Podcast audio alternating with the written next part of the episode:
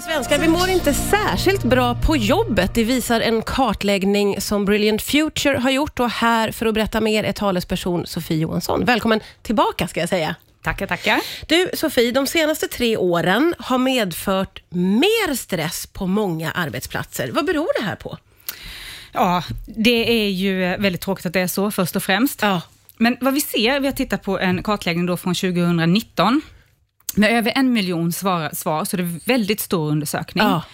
Vad vi såg var, i början av 2020, när pandemin gjorde sin intåg i Sverige, då hände någonting. Det var som att eh, arbetsplatserna över en natt nästan kom i ett, liksom, fick ett helt nytt läge. Ja. Det som är väldigt speciellt med det här, det var att väldigt, väldigt många upplevde att saker och ting funkade så mycket bättre. Det vill säga att ledarskapet funkade bättre, ledningen var bättre på att kommunicera, stressen minskade, återhämtningen blev bättre och så vidare. och så vidare. Det blev liksom nästan som en chock på arbetsmarknaden. Ja. Men sen så ser vi att vissa av de här parametrarna, och då särskilt stress och återhämtning, började avta ganska så snart och det avtar fortfarande och det är det som är alarmerande. Och vi ser nu att framförallt stress och återhämtning är nere på väldigt låga nivåer. Men det där är ju otroligt intressant, eh, och nu blir det ju massa killgissningar och spekulationer från min sida här då. Men när pandemin bröt ut så hamnade man ju i ett läge där man fick lov att lösa saker. Eh, Och många verkar ju ha lyckats med det väldigt, väldigt bra. Det var ju ett helt annat läge än vad vi har idag. Har det med saken att göra, tror du, att, att stressen liksom ökar igen? Ja, jag tror att det finns en baksida på, på de, de lösningarna som kom då. Det här skiljer väldigt mycket mellan olika branscher också, ska jag säga. Men om vi tittar på till exempel tjänstebranschen, det vill säga de som i vanliga fall jobbar mycket på kontor. Ja. De fick ju plötsligt en väldig möjlighet och flexibilitet. Man kunde jobba hemifrån. Det bidrog till att man kunde kanske slänga in en tvätt. Man kunde, om man har familj, ta hand om barnen, hämta, lämna. Allt det löste sig mycket, mycket bättre. Ja. Men sen efter ett tag så insåg man ju att det här kommer ju fortgå. Den här pausen man fick mellan att ta sig från jobbet och eh, hem, det vill säga alltså en liten andrum, den försvann. Så plötsligt så gick det liksom vägg i vägg. Man jobbade hela tiden. Jobbade man inte på jobbet så jobbade man hemma. Ja, just och det är det. klart att det påverkade. Ja, ja, ja men verkligen. Eh, och Sen är det också det faktum eh, som ni också belyser, att eh, det finns ju de som har möjlighet på vissa arbeten att vara flexibla eller jobba i hybrid och de som inte har det. Eh, och Det har blivit lite som schismer mellan de två grupperna, verkar det som. Ja, det är klart att det kan påverka i en och samma organisation. Mm. Eh, framförallt så är det organisationer där man har till exempel eh, både tjänstemän och ja, men exempelvis kollektivanställda eller inom servicebranschen, Ja. där chefer, ledning och så vidare har fina möjligheter att jobba hemma. Man kan få alla fördelar med den här flexibiliteten, Mm. medan annan personal kanske tvingas eh, vara, nu låter jag säga tvingas som att det alltid är något negativt, det är det verkligen inte, för många uppskattar det väldigt mycket. Men att sitta i kassan eller stå i fabriken, man kan tänka sig, men man har inte valet. Nej, och det det. här ser vi väldigt tydligt också, att inom framförallt, framförallt servicebranschen, så har eh, känslan att kunna påverka sin arbetssituation minskat betydligt. Det tänker jag att vi ska prata vidare om alldeles strax här på Rix FM.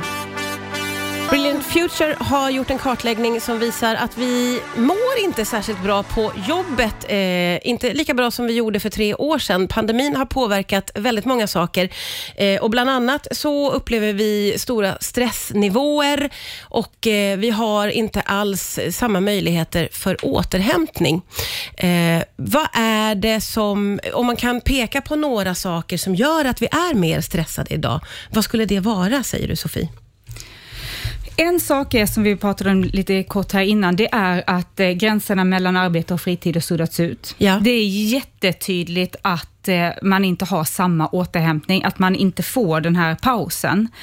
Eh, det är också väldigt tydligt att det är inom servicebranschen som det här är de största problemen. Ja. Och här kan vi också se att under pandemin så ställdes det helt nya krav på servicebranschen. Man skar ner supermycket på personal, man tappade kunder också såklart, men Sen efter ett tag så började det här rulla igång igen och då var man utan personal, utan kompetens, men man skulle fortsätta, gö- fortsätta göra jobbet, Ja. vilket såklart ska, skapar en stort stress bland de som var där och som skulle hantera det här. blir en helt annan arbetsbörda en helt, helt enkelt. annan arbetsbörda. Ja, Eh, och många har ju fått vara med om nedskärningar och som du säger, det är väldigt tuffa ekonomiska tider. Jag gissar att det har lite med stressfaktor att göra också. Det påverkar ju också väldigt mycket såklart. Vi har många organisationer, många kunder som har tvingats gå igenom nej relativt stora nedskärningar och det skapar ju en stress på arbetsplatsen att bara vetskapen om att det finns en risk för det här, men det skapar ju också såklart en stress att när det väl har hänt så är det fortfarande ofta samma jobb som ska genomföras,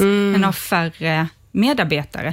Så det är klart att det bidrar till de här siffrorna i jättestor utsträckning. Och du var ju inne på det eh, för en liten stund sedan, att väldigt många känner att man inte eh, kan styra över sin egen situation, att man är lite maktlös. Så är det. Och, och hur påverkar det individen, så att säga? Ja, men vi ser att just den här känslan av att man kan påverka sin arbetssituation är en väldigt stark drivkraft för till exempel att känna sig engagerad på sin arbetsplats.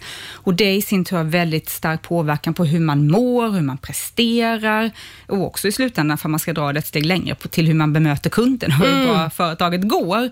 Eh, men just känslan av att inte kunna påverka, att känna sig lite maktlös är en viktig faktor och det är väldigt viktigt för en organisation att jobba med de här frågorna. Även om man har fasta arbetstider, man måste vara på sin arbetsplats under vissa tider, så finns det ofta andra saker som man kan jobba med, så att man får en känsla av att man kan påverka. Jag tänker vi ska prata lite grann också om hur det här påverkar företagen i stort eh, och lite vad, hur man ska tänka för att eh, få bukt med det här problemet. Det gör vi alldeles strax här på Rix jag gästas idag av Sofie Johansson som eh, är talesperson för Brilliant Future som ju har gjort en kartläggning som visar att vi är eh, mer stressade idag på arbetsplatsen än vad vi var för tre år sedan. Det var mycket som hände under pandemin. Eh, och du har ju nämnt det att vissa branscher eh, mår sämre än andra, serviceyrkena. Är det fler branscher som har liksom drabbats hårdare av det här? Det, faktiskt är det framför allt servicebranschen. Ja. Vi ser också bygg och tillverkning, men det är, servicebranschen sticker ut. Tjänstebranschen ligger eh, nästan alltid mycket högre. Alltså det, man tycker att allting fun- fungerar mycket bättre inom tjänstebranschen. Nu är det dock så att vi ser att det här med återhämtning drabbar även tjänstebranschen i väldigt stor utsträckning och det är eh, ja, men både intressant och alarmerande.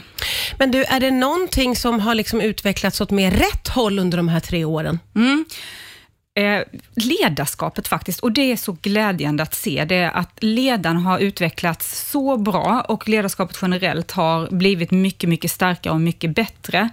Och det är säkert också en effekt av pandemin, att man ser att man ställde krav på sina ledare att vara mer närvarande, följa upp sin personal, prata med sina medarbetare, se till att man ser dem. Och det ser vi väldigt tydligt. Eh, sen måste man också skilja på den närmaste ledaren och ledningen för organisationen, för där ser vi inte riktigt samma positiva utveckling, vilket kan bero på flera olika orsaker. Man, vi är just i en svårare, svårare ekonomiska tider. Ledningsgruppen sitter med svåra frågor, kan inte riktigt kommunicera allting och så vidare. Ja, just det. Eh, men du, vad krävs för att få till en förändring då?